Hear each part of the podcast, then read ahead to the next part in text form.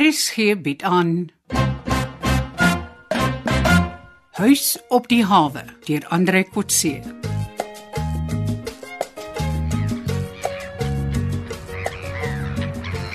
Tannie weet Mr Lee, die syndikaatleier wat ons gister laat arresteer het, was 'n groot vis. Hoekom sê jy so? Hy's een van die grootste internasionale skurke op Interpol se lys. Waaroor het dit? By Anton. Hy het laasnag toe tot laat met die valke gesit en gesels.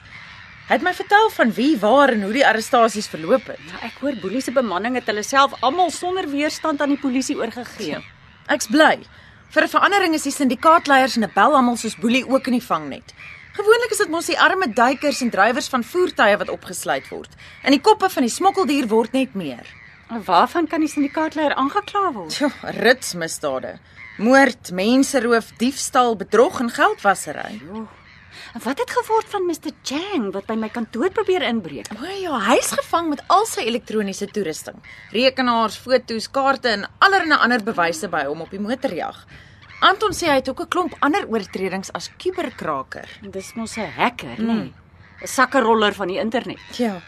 Het Boelie geen vorige oortredings nie. Ja, ons het nooit geweet nie. Hy was al agter tralies. Wat? Kos en drank na bote op see vervoer en hy's betaal met onwettige sigarette. Oef, wel, hierdie keer was dit baie ernstiger as sigarette. Hallo tante, niggie. Ah. Hallo Connie. Kan ek my aansluit vir tee? Ja, Connie, natuurlik. Ons gesels oor my eertyd se gaste en waar hulle die naweek deurbring. Rina, wat is die kans dat ons iets gaan kry vir die planne wat ons met groot moeite bymekaar gemaak het vir die syndikaat? Jong, ek dink die kans is maar klein. Die enigste gebruikers wat die goed wou koop is nou in die tronk en dit seker nie meer 'n sent wettige geld in hulle bankrekeninge nie. Daar's glo baie lande wat gaan aanvra vir die uitruiling van daai twee syndikaatleiers as ons howe met hulle afgereken het. Wil daardie lande hulle ook vervolg? Ja, blykbaar werk dit sodat ander lande kan aansoek doen dat hulle uitgelewer word om daar ook vervolg te word vir misdade wat hulle daar gepleeg het. Ek hoop regtig die regter beveel dat hulle eers ons betaal voordat hulle uitgelewer word. Maar ek het daarom 'n vliegkaartjie wat ek kan probeer eis. Jy sal vir Boelie in die tronk moet gaan vra vir 'n faktuur vir dienste gelewer. ek het vir Boelie geen dienste gelewer nie, behalwe om saam met hom te gaan eet en na sy plannetjies te luister. Ja. Rina, daar's dalk 'n komplikasie met jou trouplanne met Anton. Ag nee, wat's die probleem? Die senior valk het vir my gisterand gesê Anton is 'n natural, 'n natuurlike ondersoeker van misdaad en hulle gaan hom vra om te kom vir 'n onderhoud vir indiensneming. Sjoe, wel, wat beteken dit? Wel, hy sal deur die polisie heen en weer verplaas kan word en van een saak na 'n ander oorgeplaas kan word. Maar ons moenie heel eers na die negatiewe kyk nie. Hierdie is dalk net wat Anton graag wil doen. Hy moet self besluit. Ja, en hy moet kyk na die aanbod en die voordele. En dalk kan hy nog onderhandel ook. Ja. Miskien is daar moontlikhede vir Japie ook. Ja. Tegnologie en IT is mos sulke belangrike velde. En ek dink Japie kan net so waardevol wees in 'n forensiese rigting vir misdaadbekamping, né? Ja, Anton kan probeer om vir Japie loopbaangeleenthede te identifiseer. Haai, julle is skerp op so 'n Sondagmiddag. Ek het ook gedink om Japie te betrek by die opgradering van die huis by hawe se tegnologie en sommer die nuwe ontwikkeling wat ek beoog. Ontwikkeling.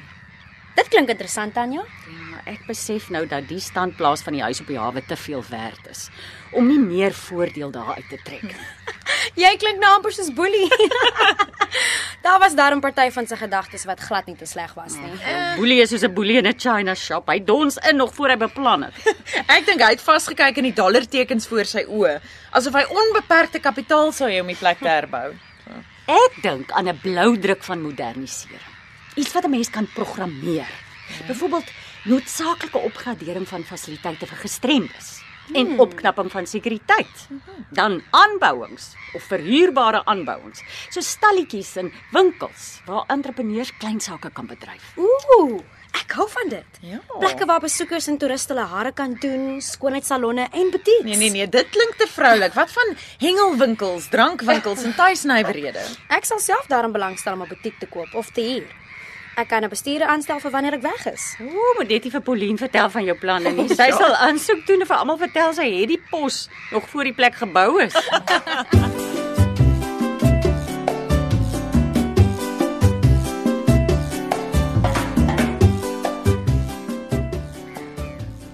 Ag, goeiemôre dames. en uh, wat sit en staar julle so oor die see? Het julle nie gister genoeg soutwater gesluk nie? Hallo my liefie, Oh. ons Nee. het begin gesels oor gister en geëindig met die toekoms. Dis reg. Gister is verby. Die toekoms het begin vandag. Net so. Sal julle my verskoon. Julle is so te sê familie en julle wil seker verder gesels oor die toekoms van die huis op die hawe. Onthou net Tanya, ek bespreek 'n plekkie om 'n klein butiek op te maak in die nuwe huiskompleks. Mense, is julle al so ver die toekoms in? Ja, as jy laat slaap op 'n Sondagmiddag, mis jy dalk 'n groot geleentheid. sien jou môre Connie. Oh, Totsiens Connie. Bye. Wel, ek het nie geslaap nie. Ek het uh voorberei vir die eerste verskyning van Boelie en Kie in die hof môre. Eh, Ja, oh, hulle doen seker aansoek om borgtog. Nog nie. Hulle skarrel nog om hulle regsverteenwoordiging te reël. Dit beteken hulle bly in aanhouding tot hul prokureurs gereed is. Anton, ehm um, terwyl Tannie is, kom ons gesels oor die toekoms van die huis en ons toekoms. O oh, ja, eh uh, uh, Tanya, ek weet nou nie of die geleentheid reg is nie, maar eh uh, Rina dring daarop aan dat ek vir jou toestemming vra om met haar te trou voordat ons ons verloving aankondig. Nou, dis nie volgens wet noodsaaklik nie. Marina is in elk geval Vrydag Mondag. Sy kan haar eie besluite neem. Wel, ons sal in elk geval beter voel as ons weet dit dra jou goedkeuring weg. Ek weet nie van 'n beter kandidaat om Rina aan die hoek te kry as Anton die Visterman nie. En op te pas, ek is nie te oud vir Rina nie. Nee, dalk is Rina te jonk vir jou. Nee Tannie, ek is hierdie jaar in my finale jaar Wag van nou Rina, Anton het my 'n vraag gevra en ek praat dalk vir die laaste keer met hom voordat jy vir altyd die laaste woord sal hê. Gee my kans. Ekskuus Tannie. Anton, hierdie laaste paar maande se gebeure het gedraai oor die toekoms van die huis. Ja. Ek het baie gedink oor die huis en wat dit vir baie mense beteken. Die toekoms van die huis was die droom waarvoor albei kante in hierdie stryd geveg het. Dit klink so materialisties. Daar was dan die dimensie van reg en geregtigheid ook. Dit was meer as net 'n eiendom wat ter sprake was. Ja, maar die huis was die simbool van geregtigheid vir meeste van ons. Ek is bly dis soos jy daaraan dink. Elkeen het seker 'n ander perspektief op die huis. Kan ek ook maar iets oor die huis sê Tannie? Ja, ek is klaar gepraat met Anton alleen. en hy kan maar met jou trou. Maar ek wil nog 'n paar jaar vasklou aan die huis. Nee, ek dink nie Tannie hoef te kies tussen my en die huis. Dit natuurlik nie. Dit is nie so natuurlik nie. Ek hoor toe julle gister op die see met Boelie oor die radio gepraat het, het Tannie om die huis op die hawe aangebied in ruil vir my lewe. Ag kind, dit was maar net van skrik en bekommernis. Ek wil vir jou en Anton sê, die huis is nog te veel deel van my lewe. Ek het al vir hom gesê dat jy Rina waarskynlik die erfgenaam van die huis sal word as ek te sterwe O, oh, wag, wag, wag. Kom ons kom ons vergeet eers daarvan Tanya. Erfplanne en testamente, w- dis glad nie deel van ons toekomsverwagtinge nie. Nee. Ek en Rina wil met mekaar trou, suiwer uit liefde vir mekaar. Nee. Ons wens dat jy dit sal goedkeur. Eh, Dit het niks te maak met eiendom of erfenis nie. Ek het eers geweet Tannie oorweeg sulke dinge nie. Die huis is my vakansieplek en dit sal hopelik nog vir jare wees solank as wat Tannie my hier kan ontvang. En ek hoop nie ons trouplanne sal iets daaraan verander nie. behalwe dalk 'n dubbelbed in seesale woonstel in plaas van die enkelbed. So is dit 'n ja-woord vir ons troue. Ek het nog nooit 'n ander woord oorweeg. Tannie, oh, dis wonderlik. O, oh, gee my 'n drukkie. Oh, ek deps nou al, kan ons nie onthaal in die huis hou. Kom stadig Rina, stadig. Ek ek moet jou nog eers vra om te trou. Ja, maar as die ring mooi genoeg is, sal ek seker maar moet ja sê. Dis ehm um, goed julle wil nie graag die huis in die prentjie bring nie, maar daar is tog 'n paar gedagtes wat ek graag by julle wil toets. Toets maar Tannie. Ek wil geleidelik, sonder risiko's, die huis opgradeer tot 'n veeldoelige kompleks wat meer dienste aan toeriste en besoekers en huurders kan bied. Dit klink na Boelie se drome. Ja. Connie sê ook so.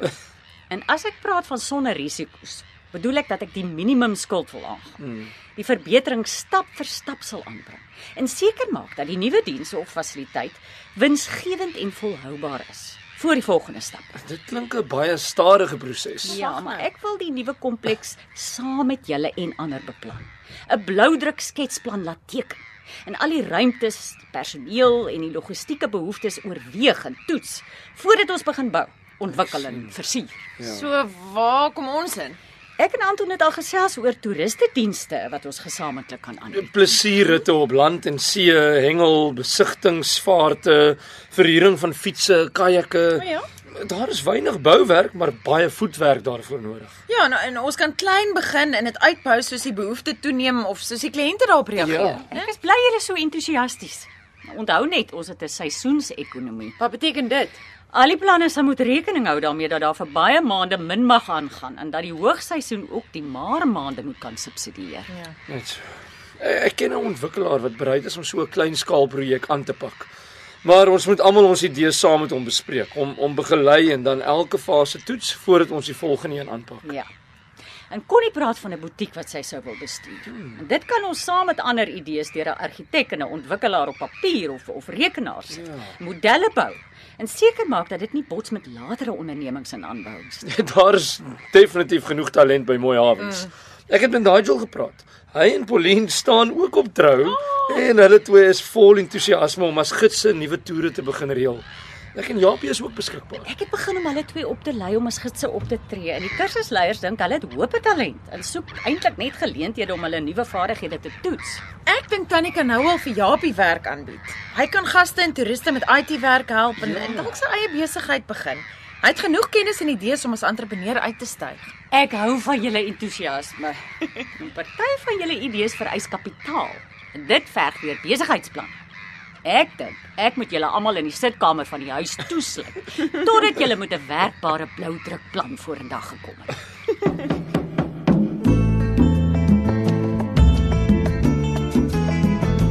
Uitgeluister na Huis op die hawe deur Andre Kotse. Die spelleiding is behartig deur Ronel Geldenhuys en die tegniese en akoestiese versorging is gedoen deur Cassie Lauers.